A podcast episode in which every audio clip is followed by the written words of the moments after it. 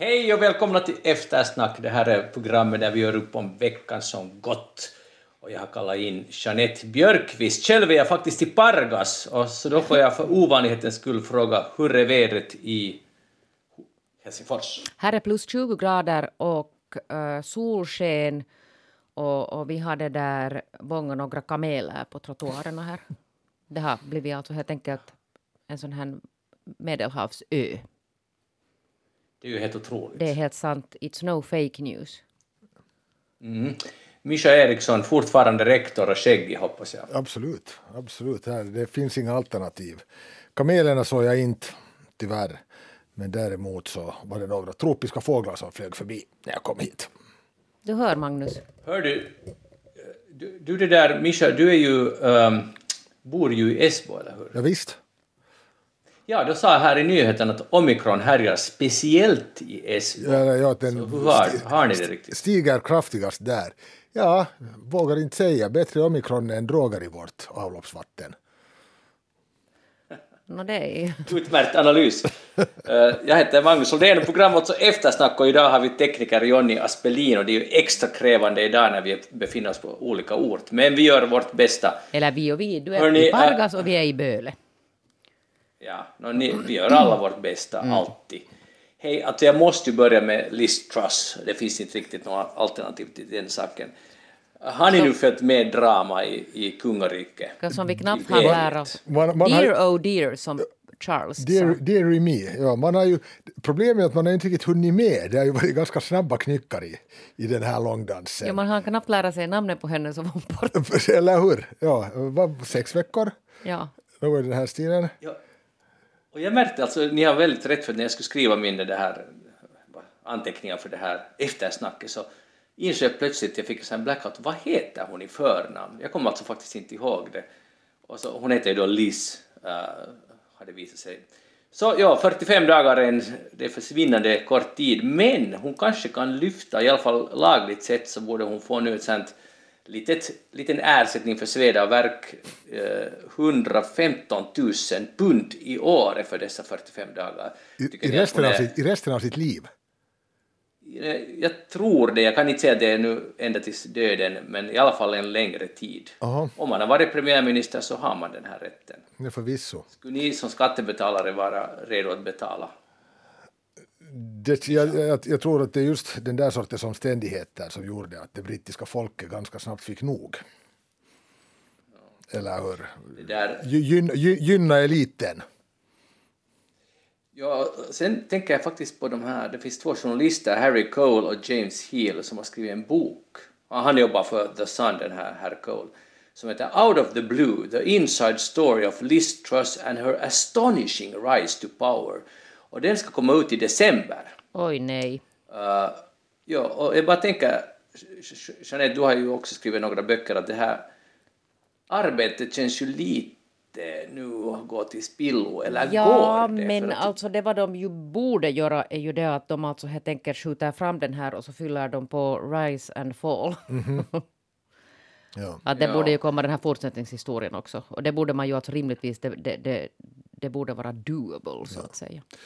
Men det är precis, jag har lite funderat här när jag försökt följa med nu det här debaclet så håller, håller nu Storbritannien på att gå mot en sån här italiensk politik där huvudsakligen, huvudsakligen bara att skrika högt och ställa till med en, med en massa där rubriker och, och väcka populisternas det intresse för en tid och sen när de, det aktuella samtalsämnet har stötts ut så går man vidare till nästa och lyckas inte liksom skapa en långvarig konstruktiv politik som, som på något sätt skulle, skulle gagna, gagna alla med, med det där fokus 10, 20, 30 år framåt. Men nu har ju till och med många av de här konservativaste brittiska politikerna konstaterat att Brexit kanske inte var en så god idé när allt kommer omkring nu när de sex år senare börjar göra bokslut på processen och så vidare. Och jag menar, det var ju i allra högsta grad en, en populistisk process. Så är det. Verkligen, alltså helt urtypen kan man väl nästan ja. säga. Och, och, och, på något sätt så kanske väljare, åtminstone till en del, har reagerat för att nu, det var väl en opinionsundersökning som släpptes idag tror jag, som visar alltså, att konservativa har nu ett understöd på 14 procent. ju... och, och, det är alltså världsrekord så att säga och alla tiders bottennapp för partiet. Och Liberaldemokraterna stiger och Labour stiger. Labour hade liksom var det nog en ledning på var det, nu, över 30 procentenheter. Det var alltså en så här gigantisk ledning, så man kan ju förstå att Labour säger att nu skulle vi nog borde ha nyval, att det skulle nog vara det enda raka. Och jag tycker själv att det skulle vara det enda raka, även om de har ett annat system och de kan bra fortsätta så här och välja, kanske Boris Johnson gör comeback, eh, men, men, eller så blir det Rishi Sunak eller någon annan, men, men alltså att regera med 14 procent, ja.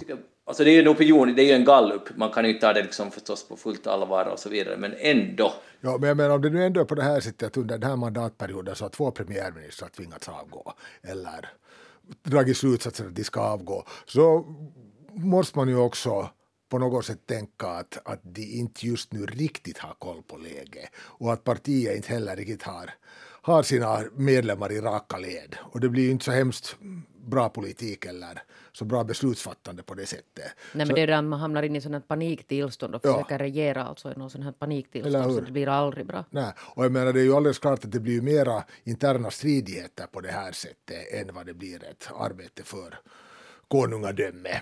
Ja, och är det nu inte så att de är alltså internt hemskt splittrade, att de borde nu på något sätt liksom dra sig tillbaka och sen fundera på att vad, vad vill de och, och vad ska de egentligen ja, tänk om sin strategi helt enkelt. Och sen är det ju lite så där som, som det där i USA, att, att de skulle ju Storbritannien också må ganska bra av att ha fler än två stora partier. Ja. Vilket osökt, att nu kör vi lite över dig Magnus när du är där på avstånd och inte ser oss i ögonen.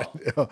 Men det där, men det är lite fundera på, ser ni i en om inte nu snar framtid, men i någon framtid, att ta nu till exempel republikanerna i USA, att det partiet liksom blir utträngt av ett annat, att de fortsätter med ett tvåpartisystem med republikanerna så att säga faller sönder det stiger upp något The New Republicans eller, eller något annat som då helt enkelt Nej, men alltså ur kaos föds det ju ofta något nytt ja. och kaos är ju verkligen bara middle name i stor, alltså politiken i Storbritannien just nu, så att helt bra skulle det kunna ske när de är så splittrade i, i konservativa partier. Men det finns ju faktiskt Liberaldemokraterna också där. Så att, ja. men de är ju och nu finns det ju gröna också. Ja, men, men, är... men, men, i praktiken så är det ju ett, ett tvåpartis det där styre, helt som i USA också. Ja. Det finns ju flera partier där också, men de har ju ingen chans att sticka upp.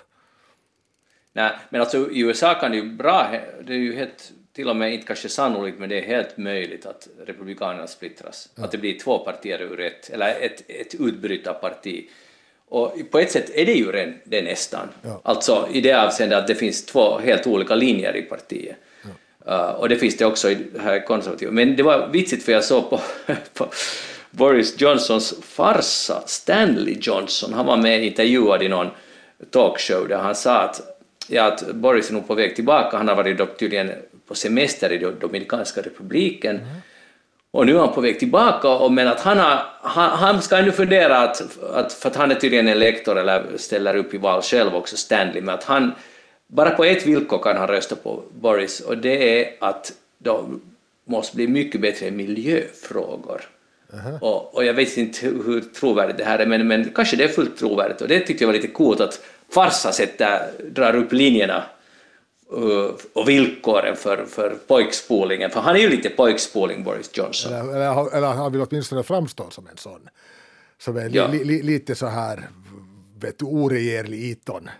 Iton-buse. Ja. Men jag tror alltså det faktum att, att det kan hända att det, det delvis kan det ju vara förstås en, en show, men faktum är att jag tror att han är, det finns alltså den här slaget av britter. Mm. Och jag tror alltså att han är en sån. Säkert, sannolikt, mm. sannolikt. Men nu är det, samtidigt är det nog också mycket, mycket slipad, slipad där image för, för det där omvärlden. Jo, han, och den här med att håret ska ja, vara han lär, han, Ja, han lär ju gå i före han går framför kameran så rufsar han medvetet om sitt hår för att bara ta sig lite en konkret... Jo, och sen är det ju saken är ju den att han är ju en otroligt garvad politiker Verkligen. samtidigt. Ja, precis. Vems hår tycker ni mer om? Donald Trump oh eller God, jag visste Boris att du skulle fråga det där. Det skulle däremot se lite roligt ut om man skulle på något sätt bildmanipulera och sätta Johnsons hår på Trump och vice versa. Jag tror att jag har sett någon sån memes fara omkring också. Ja. Det där, kanske vi inte svarar på den frågan. Jag, jag, tycker att det, det, det är en pattsituation. Okej, okay, okay. Ja, det, no, det, det, är väl just så som det Och patt på rikssvenska, mm. det är ju då något annat. Uh, ja, mm. ja, men det tänker vi. Tack Jeanette. uh, Okej, okay. men till saken hör ju att Boris Johnson är fortfarande under undersökning för att ha vilselett parlamentet.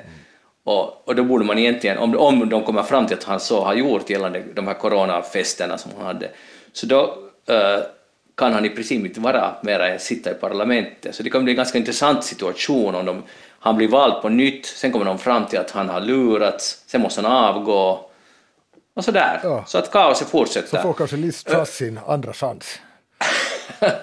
Hej, men det var positivt för jag sa att hon gick på länk. Hon, I morse när hon kom på jobb hade hon, hade hon länkkläder på. Ja. Det är ju bra att lite tömma liksom hjärnan och ja. lite få nya perspektiv. Ja. Men jag måste men, ännu snabbt knyta ihop här och sen går vi vidare. Men samtidigt måste jag inte, jag kan inte låta bli ändå att ha en viss sån här, vad ska jag kalla det, vet du, humant drag i mig som funderar på att hur mår hon nu? No. Jag, jag, kan svara på det faktiskt. Okej, okay, då säger det. Ja, ja, för att det där jag läste då skvallret, en av hennes vänner sa att mest av allt är hon lättad. Att hon visste redan när, när minibudgeten som hon släppte, som var ju en katastrof på alla sätt och helt fel skattesänkningar och så vidare, så visste hon redan att nu är det kört när hon fick insåg eh, backlashen. Och efter det har hon bara väntat på när hon så att säga ska kunna avgå, även om hon lite försökte kämpa, men att, att hon är lättad och vill nu få liksom lite lugn och ro, men hon tänker inte avgå som parlamentsledamot, hon tänker fortsätta parlamentet. Och, så att egentligen är alla nöjda kanske, okay. egentligen. Bra. Eh, det låter lite osannolikt, ja. men, men i alla fall. Bless you, Liz. Men hörni, jag har en, en, en, utmaning till er två, för att jag läste då min favorit uh, lektyr nu för tiden, gamla editioner, gamla upplagor av, av, historiska tidskrifter. Det finns ju många, en hel uppsjö av olika tidningar. När jag läste här igår så läste jag om att ja, att i antiken, det här var kanske för tio år sedan, i antiken eh, så där hade man ett annat grepp på demokratin, eller vi tror ju att det är ungefär så som vi hade, men här var poängen den att man använde lotten som påstås det i den här artikeln. Jag är inte alls så insatt så jag är ledsen nu om jag har fel, men så här stod det i min källa.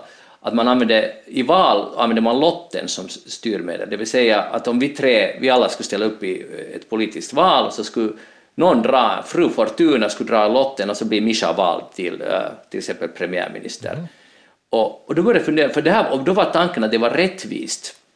Och Mischa, du som ändå har viss matematisk kunskap vet ju att statistiken i längden blir det rättvist. För att först kanske någon blir vald som inte representerar folket och sen kanske till tredje inte heller, det blir några udda personligheter, men i längden så får man det utslaget som, som är liksom närmast mitten. Ja. Om, för, du förstår för, vad jag menar. Ja, förutsatt att alla de som ställer upp så där i medeltal representerar folket. Exakt, och då är förstås frågan att ställer alla i Finland upp i valet eller är det bara eftersnackspanel till exempel, mm. att jag vet inte hur man drar den att för, för vem som helst meddela att den är villig att ställa upp, bli invald, det vet jag inte hur det funkar där. Men tror ni, om ni tänker på det här på allvar, att det ska vara lotten som avgör och inte vem som har mest pengar, har snyggaste håret, bäst att snacka, har bästa nätverket och så vidare, utan det är helt enkelt lotten. Skulle finns, kunna leva det, med det här? Det, det, finns ju ett modernt västerländskt system där faktiskt lotten avgör vem som representerar folket. Det är det amerikanska jurysystemet.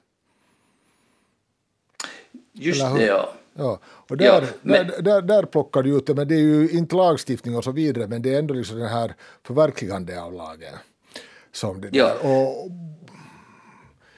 Men det, vet du, det som det leder till är i det fallet att och till exempel försvaret kan önska att vi kan vi inte flytta den domstolen till något annat distrikt mm. för där är mera sådana som tänker som vi. Ja. Att det blir sen också ett politiskt spel. Det blir det ju och det bakar ju mycket hårklyveri när det gäller det här juryuppbyggnaden att man faktiskt försöker se till att den är representativ både när det gäller etnisk bakgrund och kön och så vidare och så vidare, ålders kurvan och allt det här. Så det är ju på det sättet är det inte en pur slump utan, utan man har den det fingras lite på de här tärningarna sen också. Mm. Jeanette, vad tror du om lotten som Alltså jag vet inte, det finns alltså någon sån här lite attraktiv tanke bakom den, men det där... Jag kanske nu sen är så konservativ att sätt tycker jag ändå att man ska det där ja. ordna val. Ja, alltså sen, alltså jag funderar på det här sättet att vilka poster? Kan det vara möjligt att man till exempel lottar ut uh, x antal platser i olika säg nämnder? Ja, och nämnder. Och jag menar, när du nämnde djur, vem nämnde djur? Mischa sa djur. Så vi har ju också de här lekmannadomarna ja. som är sådana lite intressant system för att det förutsätter ju att man ska vara politiskt aktiv. Så där skulle man ju kunna tänka sig att det där... Mm. Om man nu vill ha kvar det där, för det finns ju också olika åsikter om det, att ska vi ha kvar sådana här ja. lekmannadomare. Ja.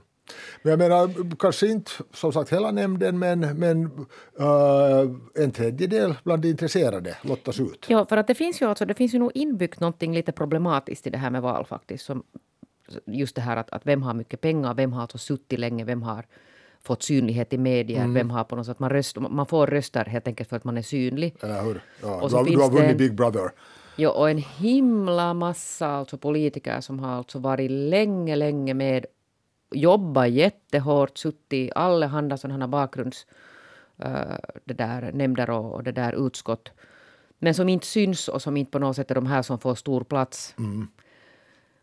Och en himla många, alltså massa aspiranter också som har jobbat hårt som på något sätt aldrig riktigt får chansen sen att komma fram för att det är alltid de här namnstarka och, Precis. och synliga som, som det ibland kanske skulle kunna vara helt bra att, att också byta ut. För jag tror ju inte heller att det i längden är jättehälsosamt om man jobbar, liksom sysselsätter sig som politiker i 40 år. Faktiskt. Nej, det beror förstås som sagt också på vilken nivå man arbetar. Att, att nu är det ändå en hyfsad omsättning både i kommunalpolitiken och i rikspolitiken. Nu är inte hyfsad exakt, omsättning, ja. men nu är det många gånger så att det är samma sådana människor som om och om och om igen. Och som framförallt hörs och dominerar, mm. eller hur? Och, och Nåja, men jag, jag, tänker, jag, jag tänker så här att i Storbritannien så skulle lotten kanske inte skulle det ha blivit mycket sämre. Nej. Det skulle ha blivit det, bättre heller. Nej, det, det, kan man inte veta, för det är slumpen som avgör. Jag, jag tycker lite om slumpen, men jag måste med att det skulle vara ett ganska riskfyllt spel. Ja. Men, då tänk, ja, men då tänker jag kanske ändå så här att, att det där slumpen, inte så att det fullständigt avgörs av slumpen, utan att du då har en, en viss procent av då där organet som man då väljer med, med slumpen. Och sen likaså också att du inte bara kastar lott och plockar på måfå den nu medborgarregister som lotten pekar på, utan att det är faktiskt då de som har visat intresse så mm. x procent av de här blir sen invalda eller får det förtroendeuppdraget. Där har vi det löst, det, det lilla problemet. Ja. Det där, hej, uh, det har ju varit nu lite snack, inte mycket, men den här veckan så har Finlands Finland bestämt att det ska nog byggas en mur gentemot uh, Ryssland på vår östra gräns. Var det mur eller stängsel? No, förlåt, faktiskt en stäng, ett stängsel, cirka 200 kilometer plus minus uh, sydöst. Och, och jag bara kan nog inte låta bli att fundera på det hur till exempel jag har hånat och skrattat Trump när han går till val med att vi ska bygga build that wall och så vidare. Och, och, och, nu gör vi det och utan nästan någon debatt. Ja. Uh, hade en grej och andra har också haft, men inte hade varit mycket. Nej. Och i Husis hade man intervju med Jussi Laine, professor och docent i samhällsgeografi vid Östra Finlands universitet, där han sa att det helt enkelt inte finns någon nytta till det här, med det här, att det löser inga problem.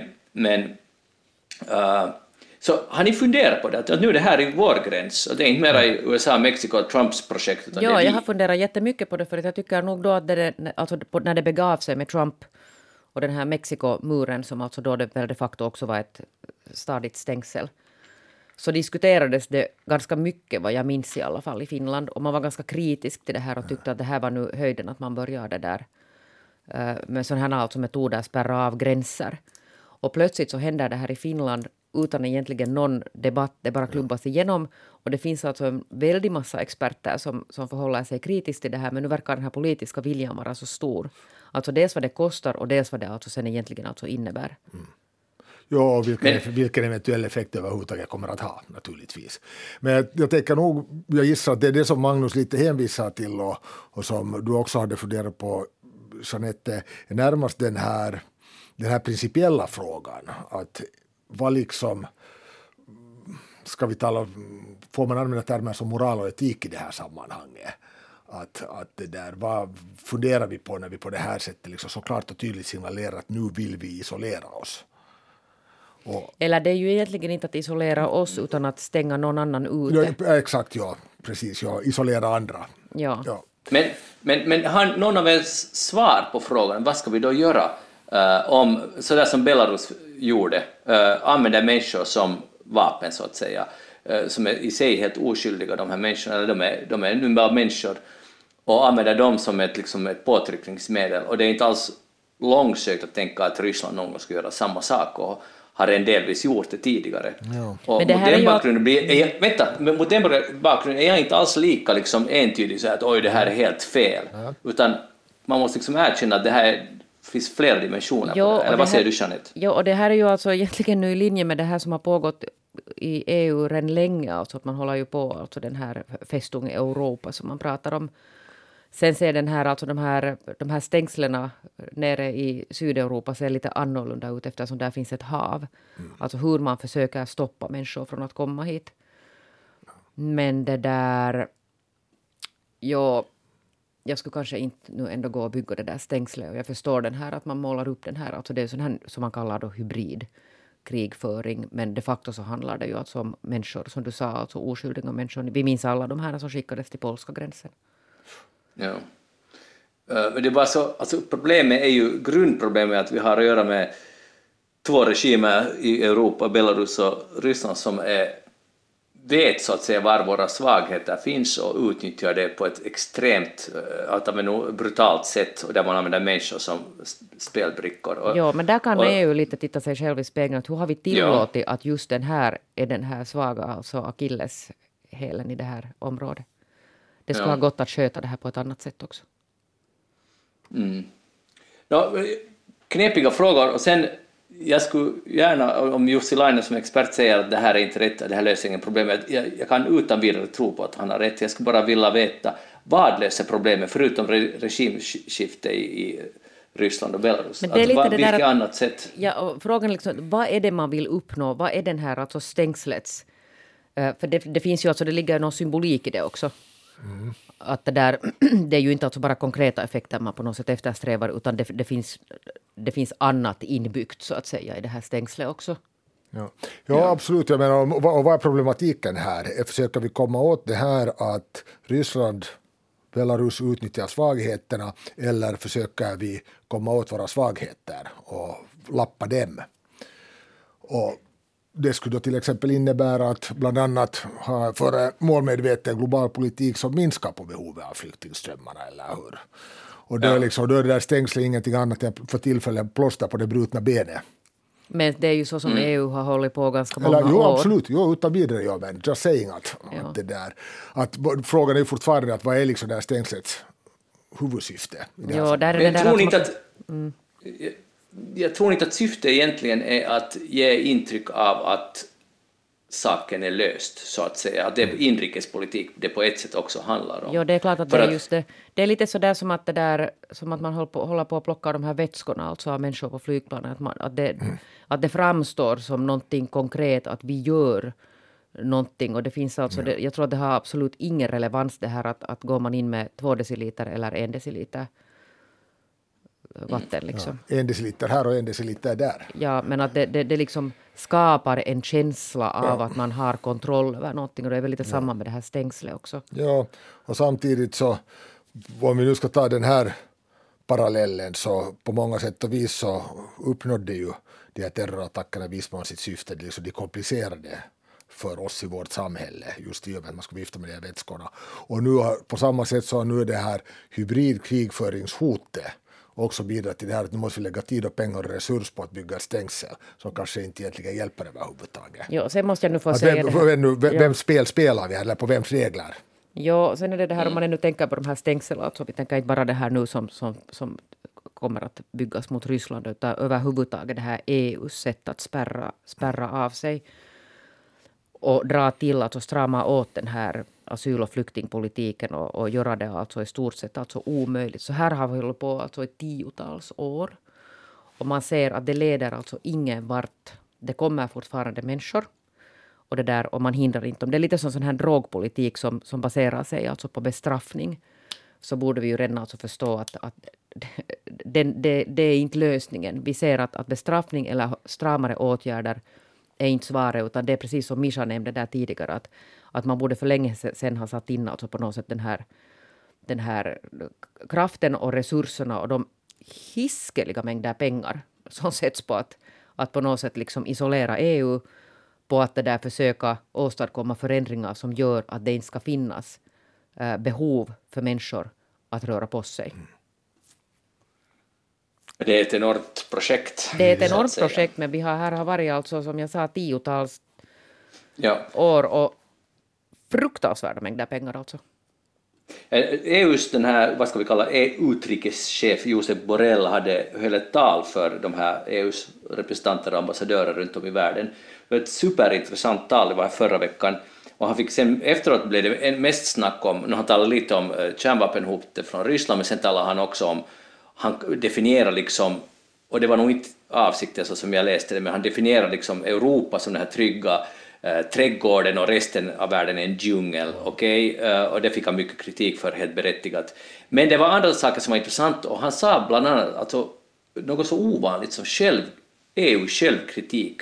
Mm. Han sa att vi tror att vi vet bättre vad som ligger i andra länders intressen, att vi måste börja lyssna. Och han sa åt de här ambassadörerna att ni måste nu lyssna på vad länder som, låt oss säga Indonesien, Brasilien, Mexiko, stora länder och nu förstås små länder också, men som, det är inte alls självklart för de här länderna att de är på EUs linje, till exempel i Ukraina-frågan, eller vilket, för de vill tvingas ta ställning. De, vill liksom, de har andra problem, det är långt borta och vi kan inte kräva liksom total lojalitet av alla uh, när det plötsligt brinner här hos oss. Nej. Nej, det är helt sant. Och jag håller fullständigt med om det här att jag menar, det är ju verkligen på andra sidan jordklotet för dem. Sen bara nu för att ta den här debatten så uh, nu har det ju reagerats hemskt starkt i Europa till exempel på eh, uh, fascistregimer i Sydamerika. Där man klart och tydligt har signalerat det här. Ja, men tänk nu till exempel på Argentina på 70-talet. Ja, men det fanns en, om inte en enorm folkrörelse, men det reagerades väldigt starkt på det. Att inte stack man bara huvudet i busken och tänkte att sköt er själva där på andra sidan jordklotet. Att en viss sån här, ska vi kalla det, om inte global solidaritet, men, men det är ju inte så här att vi struntar i dem ända tills vi behöver deras stöd. Fast den där, mm. det är helt alltså, det så som du säger att då på 70-talet, men tiderna har förändrats ganska mycket, så den här solidariteten har nog mattats av alltså här under de snart 50 år. Mm. Men hur engagerade är ni i Tigray till exempel? När de säger att det är ett mycket, mycket större krig, eller de säger inte att det är ett faktum, att det är mycket större tragedi. Och jag måste säga att min kunskap är, nu har jag läst om det, men inte jag är så engagerad, inte går jag, inte det godnattsagan varje kväll som det nu är med Ukraina och, och godmorgonsagan, som, och jag förstår att Ukraina ligger mycket närmare och det är vårt grannland som är involverat, men ändå, ja, nej, inte, att inte, inte vi är så intresserade. Nej, inte skulle jag ta upp det till diskussion, som vad har du tänkt på den här veckan? Nej. Nå, där har man något att fundera på.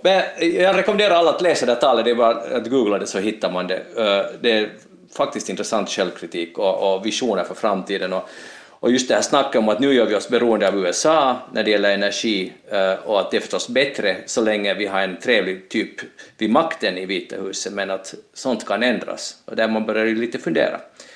Jeanette Björkis, vad har du tänkt på den här veckan? Nå vet du vad, att jag det där råkade läsa den här språkbruk, alltså mm. sajten, och hittade en jätteintressant, alltså Vilma Jensén har tydligen gjort, eller inte tydligen, utan hon har gjort en, en uh, utredning om finlandssvenskar i Sverige och vad som händer alltså med språket, vad man gör när man far till Sverige.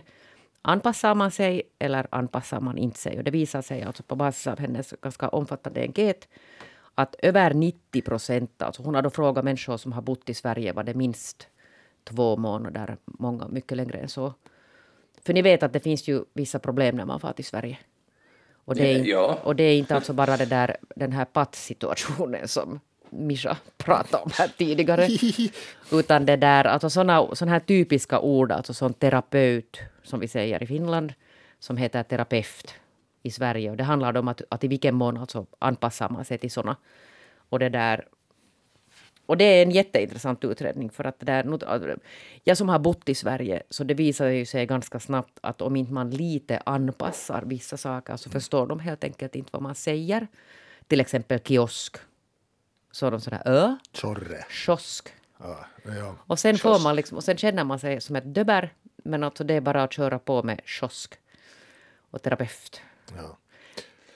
Ja, Och vad är slutsatsen? Slutsatsen är det att, det där, att man anpassar sig, men sen alltså visade det sig också att, man, att, att de flesta inte... Alltså ett sånt ord som, som jag inte ens har tänkt på, träd, träd, säger man ju alltså i Sverige då träd, alltså med ä. Så sånt avstår man inte, men däremot nog så att man kan justera alltså vissa ord. ja. Jag vet inte hur ni... Ja, men Magnus har ju jobbat nu mot Sverige. Nu har du väl också tvingats på något sätt. Man kan inte köra på helt på sin rena Var, varf, varför inte? Men du inte förstår vad man säger. Ja, men jag menar, sen å andra sidan så nu har du ju sin skånska dialekt. Och, och Nej, vi- men det är, det är en annan sak. Det jag, inte, inte vet jag det inte. Nu, jag menar, inte vet jag om alla automatiskt måste anpassa sig till någon sån här Queens English eller, eller det där uh, SVT-standard. Utan nu, nu ska ju ett språk få, få vara levande. Ja, Men det här är ju verkligen inte ett, vår finlandssvenska, det är ju verkligen inte ett annat språk som till exempel danska eller norskan. Utan det är svenska vi pratar. Terapeut. Jag säger aldrig terapeut. Terapeut. Nej, terapeut. Terapeut. Sen säger vi ju djur och djungel. Det gör ju inte de. Ja, men så, så, det, som sagt, skåningar och närpeser uttalar också många ord på ett annat sätt än vad vi gör i, i Helsingfors. So be it. Jag, jag, är, jag är faktiskt på Mishas linje, jag är emot all form av underkastelse, och det där speciellt när, när man är en minoritet. Så jag, jag kör på och jag blir ofta inte förstådd, vilket är ju idiotiskt ur min synvinkel, men jag skulle, det skulle aldrig falla mig in, så, åtminstone när man jobbar så här, att man ändå bor i Finland, att jag, att jag skulle börja tala om Kiosk. eh, kiosk, nej. Men ibland förstås om man märker att, att det går inte hem så kan man ju försöka. Men sen blir det ändå fel och så förstår de ändå inte. Och, och det där, och det, man kan ju säga att man är ju, det är ju man själv som borde lite sträcka ut en, en försoningens arm och, eller hand och, och komma emot. Men jag, det är någonting som, hos mig som jag, jag klarar inte riktigt av det. Jag är ganska envis i den här frågan. Och jag tycker som Mischa, att det är som skånska, de, det är bättre att jag försöker helt enkelt skola dem och det är ju inte så lätt. Jag är med dig. Du, enmanskamp. du och jag mot Sverige. Ja. Exakt, ja. och vi kommer att segra Det i längden. Men, men, men, underkastar men, det är intressant här att nu talar vi enbart om uttal. Eller hur? Ja. Och då, Ja. har vi, då har vi inte ett tagit upp ord som roskis. Ah, nej, men det kan man ju inte säga. Nej, nej, nej, det går inte. Det anpassar jag direkt alltså. Ja. Ändrar jag. Jag skulle Ja, inte där säga pattsituation eller tutt, så att säga. Alltså det vill säga, det heter ju napp. Ja. Tutt är. Tutt är något annat. Ja, jag vet, jag vet, jag vet, men det är inte jag som tänker på det nu.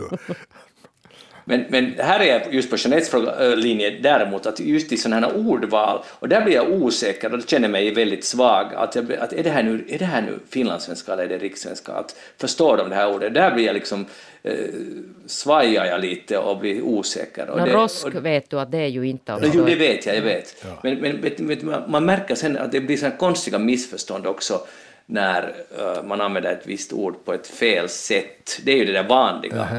Eller, eller sen uppfattas vår svenska väldigt ofta som lite, lite gammaldags, tidigt 1900-tal. Så att där Ja. finns så här lätt Ja. stylt, styltiga ordval och konstruktioner som, som man läser i ja, romaner från 1910-talet. Jo, men vet du, det kan man nog i dagens Sverige gå och säga att, det där, att de skulle kunna ta lite lärdom av finlandssvenskarna. För vi, vi värnar och vaktar vårt språk så mycket.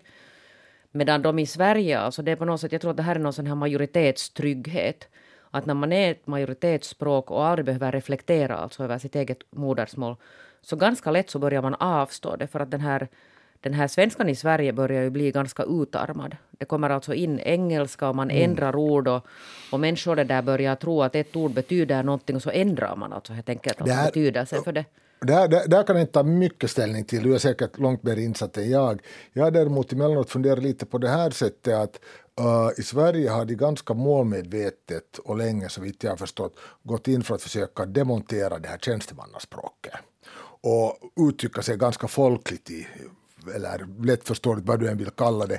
Och det här är inte nödvändigtvis en dålig sak Nej, heller. det- men det det jag talar om helt andra saker, Jo, nej, alltså. men Ja. det kan uppfattas också som en form av att utarma språket det här att du, att du uttrycker det väldigt, väldigt, hur ska vi säga, grundläggande. Men och det skulle inte förvåna mig om det här också reflekteras i det här övriga talspråket och liknande också. Nej, jag tror att de här är alltså helt där, uh, frånkopplade från varandra. Det där det. är helt sant och det, alltså, det borde ju Finland bli bättre på, Eller att där myndigheter uttrycker sig ja. så att människor förstår. Mm. För att jag som professionell människa har ibland svårt att förstå att vad vill den här myndigheten nu riktigt säga med det här. Det är riktigt dåligt. Ja. Och det står ju på i, båda språken. På båda språken. och det står ju alltså faktiskt i lagen att man ska det där uttrycka sig på ett sätt så att människor förstår ja. vad man säger när man är i en ja. Och det här var väl en, det här var en 70-80-talsprocess i Sverige? När Magnus det... försöker vifta där i Pargas. Är det så? Ja. hej, hej Pargas. Nej, jag, jag skulle, no, hej, jag skulle säga bara att, att, att, att, det där med engelskan är så sant och det vet alla som har tillbringat tid i Sverige men när jag hade skrivit en text äh, för en partner där som äh, använde jag då begreppet sloganer, alltså pluralis för en slogan, sloganer. Och då var de helt, helt förundrade, att vad menas med sloganer? Och så sa jag att det, det, det är slogan i pluralis. Och de, de, de var alltså enorma frågetecken. Så sa jag, men ska vi slå upp det? Och så tog vi fram då akademins ordbok och de var helt att what? Det, det, står, det stod där att man kan använda både sloganer och sen slogans. Okay. Alltså sloganer och slogans. Men de sa att, i, att du kan absolut inte använda det, är obegripligt för i alla fall i stockholmare att ingen vet vad du menar med sloganer. Ja, men du använder väl sloganer? Eh, det här måste jag ju då faktiskt på tal om underkastelse, eftersom de var beställare, så motvilligt och under protester och avvikande åsikter så ändrade jag. sa att, att det står i akademin, men de sa att om du vill bli förstådd i det här landet så måste du använda slogans. Ja. Svagt! Eller hur? Ja, Mischa Eriksson, vad har du tänkt på den här veckan? Nu, hör du, det är inte bara den här veckan utan jag har nu egentligen följt med i flera veckor sen början mitten av september den alldeles fascinerande skandalen i schackvärlden. Mm. Har, ni, mm. har ni följt med den? Det kan jag nog inte säga. Nej, nej alltså det, det är ju en på så många olika sätt och vis en så underbar historia. Så det börjar ju med den här uh, Magnus Carlsen som för tillfället då är den här vassaste schackspelaren i världen, en norrman som satt sig ner med en ung junior, Hans Niemann, i en, i en kupp. Och det där Uh, Carlsen började spela vitt och hade då nackgreppet först, men efter en tid så, så tog Niman över. Och, det där, och där slutade med att, att Carlsen gav upp mot den här 19-åriga junioren. Herregud, är det sant? Ja, absolut. Och alldeles strax efter så hoppade Carlsen av hela den här turneringen, skippade. Och sen så började det komma mystiska tweets från honom. Där en var så ungefär så här, det var en, han hade det där tweeta med texten att om jag talar är jag i djupt trubbel. Mm. Och sen så började det nystas mera upp och det började uppenbara sig misstankar mot den här unga killen i att han hade fuskat. Och att han hade på sätt eller annat lyckats då, då det där fuska i det här spelet mot Carlsen. Och ganska snabbt så kom en av de här stora schacksajterna, online-sajterna och kom och påstod att, att det där, denna Niman hade fuskat hundratals gånger på deras sajt. Också Men han var mycket yngre då? Han var mycket yngre då, absolut. Ja. Och han erkände det också. Att, ja, att när jag spelade mm. online, när jag var 12 och 16, så då fuskade jag. Men aldrig mera, det gör jag inte mer överhuvudtaget. ja. Och sen det där, uh, en liten stund senare så spelade de på nytt och det ledde till att Carlsen efter första draget gav upp. Mm. Innan de ens hade börjat. På något sätt signalerade att det är ingen poäng att spela mot den här killen. Det är rena rama. Rena rama det. Jaha. Alltså, det är viktigt att konstatera att, att han gav inte upp för att, för att Niemann gjorde ett briljant första nej, drag. Efter, utan... Nej, nej, verkligen inte. Utan bara en sån signal att det är poänglöst att spela mot den här fuskande lurendrejaren. Och ja. nu är senaste draget i den här historien naturligtvis det här att nu har den här Niman stämt både Carlsen och den här schacksajten för att de nu förstör hans karriär. Och mm. Det här är då liksom de här huvudhändelserna, men parallellt med det här så är det ju liksom enorma diskussioner i schackvärlden och vad är det som pågår och hur har han fuskat? Ja, ja alltså att hur har man fuskat? No, no, här finns ju en alldeles underbar teori som säger att han har haft, att han har haft det där fjärrstyrda grejer uppstoppad i sin ändtarm som kan skicka signaler till honom på basen av den här, av den här positionen. Att på annat håll ska man följa med och sen då trådlöst så på något sätt vibrerade i rumpan Men någon, på honom. någon extern person Ja, då som ja. har kunnat styra ja, hans... ja, han, sakerna han har i sin bak. Ja, alltså det är ju, det är ju i sig lätt. Alltså, det, alltså om han fuskar så är det förstås självklart han har då en medhjälpare och, eller flera och de sätter in dragerna i en dator för datorn vinner alltid över människan nu för Japp, tiden. ja. Så, och, och, och jag tror att de gjorde någon analys på att han hade gjort perfekt, perfekta drag, alltså inga mänskliga misstag Ja. som man ändå alltid gör Precis så. eh, i någon, någon av de här matcherna. Så det är därför väl också man har kommit fram till att, att han spelar för bra och han har kommit för snabbt upp från nästan ingenstans. Ja. Eller nu var han ganska högt rankad, men han har ju stigit. Ja. Att det sker inte så. Att det, det- går inte till på det sättet. det, här, det här är ju också en hemskt intressant aspekt av det här. Jag menar, det var ju tiotals år sedan uh, schackdatorer började knäcka världsmästare, stormästare. Mm. Att det, är liksom, det är verkligen inte, inte något nytt, utan så har det varit tiotals år. Och det här är ju naturligtvis också markant förändra hela liksom schackteorin, schack, schackspelet i sig. Och just som du sa så, så kan man undersöka de här dragerna eller det här spelet och se att är det en människa eller är det en dator som spelar här? Att är de för perfekta eller är det liksom en, så en radikalt annorlunda stil som datorerna har när de spelar? Och nu för tiden så är ju att, att studera schack så är ju egentligen att ta titta hur en dator spelar och försöka komma underfund med resonemanget där eller den här strukturen där. Men då kan väl inte hans fusk, att ha, jag- hans fusk kan ju inte ha baserat sig då på, alltså det måste ju vara någon sån här maskinellt. Ja, alltså, sann, ja, alltså sannolikt har någon, har någon följt med det här spelet, kört positionen mot en dator och sen har man signalerat på sätt eller annat de här, det här följande korrekta drag till, till honom. Intressant. Men alltså det här med rumpan har jag lite svårt, svårt, svårt alltså, att nej, tro på. Ja, alltså, jag, jag, jag, jag, jag är inte nödvändigtvis heller skriver under den tesen, men jag ville bara berätta det för att visa hur surrealistisk den här diskussionen också kring den här har gått. Att, att det, det, det är en fascinerande berättelse det här. Och det om jag nu lite får, det som jag tycker att är hemskt skojigt i det här är att, att det här är ju överhuvudtaget det här snacket kring de här stormästarna och schackvärlden och vad som händer där, så är det nu lika gammal som spelet. Att var det på 20-30-talet, något i den här stilen, så var det en, en det där tysk stormästare Lasker som anklagades för att han alltid rökte de mest illaluktande cigarrerna medan han spelade, vilket förstörde spelet för hans motståndare. Och Smart. På, ja, och på 70-talet så var det någon, nu minns jag inte, var det nu, någon av de här ryska stormästarna som var rädd för att hypnotiseras av en som följde med i publiken. Så han spelade med sådana alldeles specialglasögon som då skulle stänga av den här hypnotisörens genomträngande blick. Och så vidare. Fantastiskt. Ja. Mm. Det finns må, må, många olika metoder, men ok- okej. eh, så vad ska vi nu dra för slutsats av det här? Eh, Jag vill, jag, vill Eh. nog, jag, jag vill nog tro på Carlsen. Jag tror att den här Nivan är en lurendrejare och, och drar schacken i smutsen. men är man inte oskyldig tills man är funnen skyldig, hör du? I princip, ja, men det finns ju ändå starka indicier. Ja, det finns ju faktiskt. Men alltså det här är ju helt splittrat schackvärlden och överhuvudtaget är, är ju, schack är ju ändå en, vad ska vi säga, en hederlig sport där man inte borde kunna fuska. Alltså det skulle ju egentligen vara möjligt, fast det nu är ju då möjligt, men, men i motsats till många andra idrottsgrenar så där är det ju, man kan dopa sig och så vidare, men, men här är det svårt för man måste tänka sig fram. Precis. Så jag, jag, jag, kommer schackvärlden att repa sig, Jeanette? Vad tror du? Knappast det här nu. Det går mot När har du senast undergång. spelat schack? Nå, det där på Kuba för några år sedan ute där vid swimmingpoolområdet med några sådana stora pjäser. Alltså där. Nu är det så att jag tror att min dotter är bättre på schack än jag faktiskt. Kuba, Kuba hade ju några riktiga stormästare, Casablanca till exempel. För många herrar. Jag, kan inte, jag verkligen kan inte komma på stånd att jag skulle vara särskilt bra på schack. Men ännu en sista, sista fråga. Överhuvudtaget, nu, nu handlar det här ju om uh, stormästarspel där det då är ära och berömmelse och inte minst enorma pengar som står på spel. Men hur tänker ni överlag när det gäller att fuska i spel? Händer det att ni emellanåt i Scrabble smusslar åt er en, en rätt bokstav eller, eller att ni, om ni bara har möjligheter så tittar ni på motståndarens hand när ni spelar bridge eller Nej. något sånt här?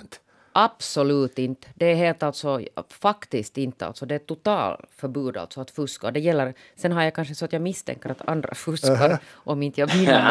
det är det. Vad säger Magnus? Uh, nej, nej, alltså det där är verkligen hederssak. Uh, jag skulle inte fuska.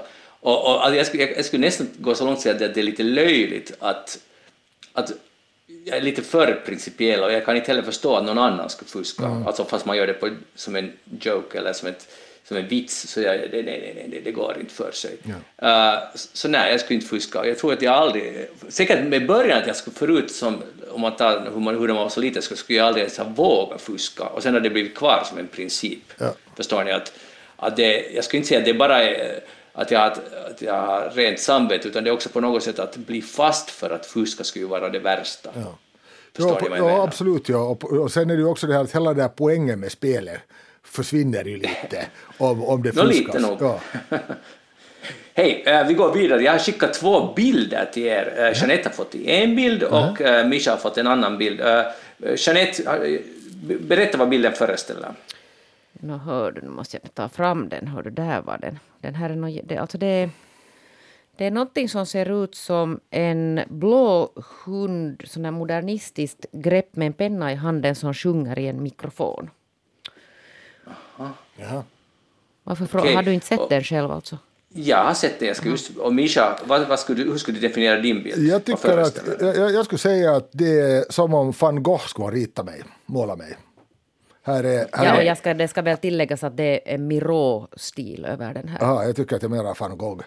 Uh, med sån här uh, blågul, ganska kaotisk himmel bakom mig. Och, och sen är det klart och tydligt mitt pondusfyllda skägg och mina glasögon. Bra, för att det är ju mycket snack nu om artificiell intelligens ja. och man kan skapa konst den vägen, som Mischa tydligen hade listat ut när han fick den här bilden, eller hur? Absolut. Ja. Och du tror han, inte att jag hade listat ut det här? Nej, för att Mischa är man och han förstår. Mischa, sa, Mischa, sa jag det här åt dig du före sändningen? Du sa det, mm, och sen mm, fuskade jag Tor Jeanettes ja. idé. Perfekt. Okej, okay, Jeanette, förlåt. Men, men ja. Okej, okay, hur, hur, som helst, eh, och jag är lite fascinerad av det här, för det är mycket snack om det nu, och man kan skapa de här bilderna, och snart är konstnärerna utan jobb och så vidare. Och det som då blir intressant är när man kan liksom be den skapa en bild, det här råkar vara något som heter DAL, DAL i uh, 2 eller vad det nu är. Det och vad är det du har det. gjort, Magnus? Kan ja, och i den bild som Jeanette fick så bad jag att det skulle vara i Miro-stil och föreställa stressed female journalist in Finland. och det där, och jag tänkte kanske på dig Jeanette faktiskt, och, och jag tänkte nu dela med mig den här bilden på Facebook, på vår Facebook-sida, facebook.com eftersnack, så får man ta ställning till att är det här riktig konst eller vad är det? Eh, och det som är ju lite ska vi säga, deprimerande för konstnärer är att man kan då be AI skapa en stil som påminner, om i det här fallet Miro eller, vilken nu, eller om vi tar någon nu levande konstnär, whatever, att skapa en bild som kopierar stilen och skapar något som inte är copyrightskyddat. Att det är nog i gråzonen naturligtvis, men, men uh, vilka möjligheter det här skapar. Och, och sen är det inte, jag har läst många intervjuer med folk som jobbar i till exempel reklambranschen som säger att det är otroligt värdefullt för att på några sekunder kan man få liksom idéer eller man kan, om man behöver någon absurd idé som det var ett exempel på hundar som spelar poker, så får man direkt en som ser ut som en photoshoppad bild men man behöver inte göra något jobb själv utan det kommer på fem sekunder den där mm. bilden. Och så kan man kanske använda den och den är copyrightfri. Det här är en rolig leksak men det kan också förändra ganska mycket för framtiden. Så vad, hur ser ni på det här, Mischa? Uh, jag upplever det inte så speciellt problematiskt. Jag tänker ju kanske lite så här att uh, det finns nog alltid i mänskligheten möjligheterna och förutsättningarna att skilja på, och nu tänker jag inte att känna igen, utan att förstå och uppskatta liksom olika former av, av uttryck. Att, mm, jag ser inte till exempel uh, film tränger ut litteratur som inte heller tränger ut sång som inte tränger ut det ena det andra. Det här är nu ytterligare bara ett, en form av uttryck. I och för sig maskinskapat uttryck, men det kommer definitivt fortfarande att finnas utrymme för mänskligt skapat ja, jag hoppas att du har rätt. Jeanette, du, du är då helt tydligt experten av oss i det, i det här gänget. Så vad, vad är din alltså analys? det, där, det här är ju bara en del av, av trenden med sånt här alltså datorskap. Att nu har det ju liksom inom journalistiken till exempel länge varit det här att robotar ska börja skriva nyheter. Att robotar kan skriva enkla, till exempel sportresultatnyheter som man inom medievärlden har varit jätteentusiastisk över. För att då frigör man, tänker man sig, alltså journalistiska resurser att göra någonting som kräver alltså faktiskt en journalisthjärna. Men det där... Mm, och samma jag menar inom filmindustrin, att man via datorer kan, kan återskapa så mycket att det inte behövs en enda filmare mera som gör någonting, utan man kan göra liksom i princip en hel film på, på datorn. Mm, jag hoppas att det är så som Misha säger, att det fortfarande kommer att finnas uh, efterfrågan och, och utrymme för mänskliga händer, så att säga, som, som gör. Ja. För att det, det, tycker jag kanske att det är det mest centrala. Det är klart att man kan använda AI till, och jag menar, det finns ingenting vi kan göra, så här är det, alltså utvecklingen är denna. Ja. Jag tänker osökt på, kommer tänka nu på, jag såg en bildserie i The Guardian.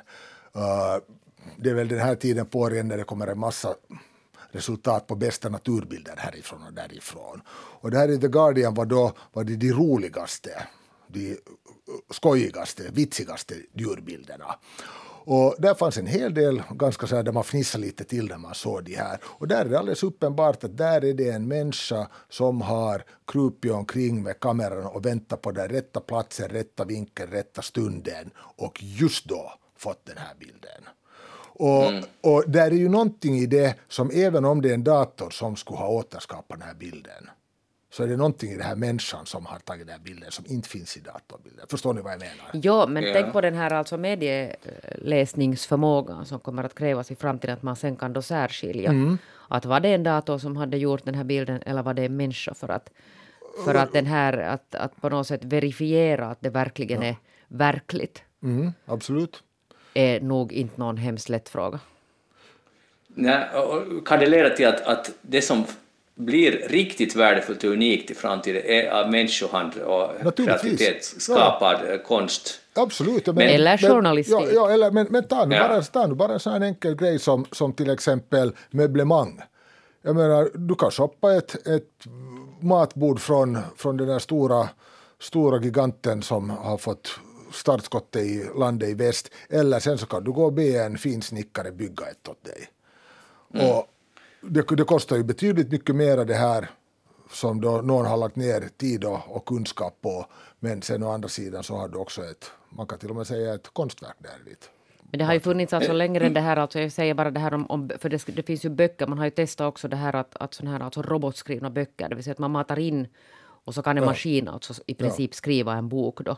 Ja. Att på det sättet, jag menar, det, det, det är inte bara kon, konstnärer, det är journalister, det är författare och det är en massa andra fotografer, filmare. Ja. Ja, det som blir intressant är ju sen, alltså, så jag tycker att det där blir det svårt, för att man kan be att den som sagt då gör i ett stil av en viss konstnär. Ja. Och då har den här konstnären som lever nu har byggt upp en stil och sen kan man på ett e- otroligt enkelt sätt kopiera det och sätta upp den där fast tavlan på väggen. Och ja, det här är i den stilen att jag ville, jag ville göra van Gogh men jag ville göra med mitt hus i Pargas. Och, och, och det är ju nice to have, men det kan ju utnyttjas mot konstnärer som faktiskt försöker skapa sig sin, en karriär. Ja, nulevande konstnärer. Ja, om vi talar om nulevande. Ja, men, absolut, ja. men var det inte i princip också den här debatten som, men jag förts om och om och om igen säkert den här diskussionen, men bara en sån här grej att ta nu när Gutenberg började massproducera texter, när uh, olika kopieringsmöjligheter gav det möjlighet att göra reprints av, av bilder. Jag menar Andy Warhols konst var ju ingenting annat än motreaktion mot så här massproduktion av, av det där konst och design och så vidare och så vidare och så vidare. Så jag tycker att det här är nu egentligen nästa steg, nästa ganska logiska följd i, i den här utvecklingen och den här diskussionen också. Ja, vi får se, men den här diskussionen kommer att fortsätta. Jag vill bara berätta att Mischa, din eh, tavla som vi ska lägga ut på Facebook är van Gogh style painting with bearded man with glasses being high school principal. Är det sant? Jag, Ja. alltså jag tyckte här resan att det var som om du skulle ha tagit en bild av mig och det skulle ha blivit lite så här. Men Magnus, alltså det där, du måste Justera. göra någonting på dig själv också med din Det är favoritkonstnär. ju helt Jag, fantastiskt. jag, jag försökte på Bold Man hosting radio show, men det blev jävligt dåligt. Och vad var, din, vad var din den här konstnär då? För du hade ju faktiskt frågat oss vilka våra favoritkonstnärer är. Eh, där satt jag bara oil painting, att jag var sådär. Men vi, vi får återkomma till det här. Men hej, det är ju höstlov nu och eh, det är dags för mys och pys. Och igår när vi skulle se på film här så hemma i stugan så funderade vi, vad, vad, vad ska man utbilda sina, sin yngre generation i film? Vilka filmer är det som man måste ha, ha gett vidare som förälder till sina barn, till nästa generation? Jag har, Mischa bett dig, nu har vi inte mång, lång tid, men sammanfatta de där filmerna som man måste ge vidare till nästa generation. Ja, det räcker inte med bara tre minuter, jag skulle ha så mycket att säga om Nå, det här. shoot. Det var en jättefin uppgift, så jag säger bara nu, så tar vi nästa sändning och snackar bara om det här. Jag tog den årtiondesvis, från 40 till 80-talet. Den, Okej. den, den tredje mannen, Det sjunde inseglet, The Good, The Bad and The Ugly, Gudfadern, så blev 80-talet svårt och där hade jag sex, sju stycken. Men jag tror att jag väljer uh, Videodrome. Aha. Jeanette, har du sett de här filmerna? Ska vi ta det med en gång till? Gudfadern har jag faktiskt sett. Men det där var, var Top Gun då? Den, den föll från mig. Alltså, det skulle, på, ett, Vad var, på, vad på, var E.T. och Top på, ett, på, på ett visst sätt skulle jag kunna, på ett visst sätt skulle jag kunna platsa. Jag kan inte gå igenom alla mina kriterier E.T. nu, men- Phone Home, come on. Jag såg om det för några år sedan, jag tyckte det var ganska kass. Nej, det var nog jättebra. Jag tittade på det med min dotter också. Hon fick titta hur man gjorde film förr i världen. Varför Mischa ska man ge de här vidare? Uh, det, det är ju det här som kommer att ta lång tid att förklara, men, men jag tycker att på något sätt så handlar det om att, att både ge den här, uh, ska vi säga, filmen som konstform och dess historik, dess utveckling. Och sen lika så också filmer som har varit ganska relevanta just av en eller annan orsak för i det här fallet det här årtionde. Sen också sånt som har, jag har tyckt om och som jag gärna skulle vilja dela med mig till mina, mina ungar och som jag också skulle tro att de skulle kunna tycka om så att vi skulle kunna prata lite gemensamt om det. Doors-filmen måste man också säga. The Doors. The Doors. Ja, den var inte dålig. Det var 90-tal. Varför Tredje mannen, det, det är intressant för den är ju spännande och sådär lite konstigt de springer omkring i de här kloakerna, Ja. men att funkar den för en yngre? Ja, det är svårt att säga. Jag tänkte hemskt mycket när jag valde den på den här fruktansvärt cyniska slutmonologen där. Schweiz, Kuku Klocks och så vidare. Ja. Och där har vi tips för eh, höstlovet. Mischa Eriksson, Jeanette Björkqvist, tack för att ni var med i eftersnacket. Jag heter Magnus Lundén. Och nästa vecka är vi på Bokmässan live med Anna-Lena Laurén i Helsingfors. Så joina oss där och ha det bra tills dess och ha ett riktigt skönt slut på höstlovet. Vi hörs igen. hejdå!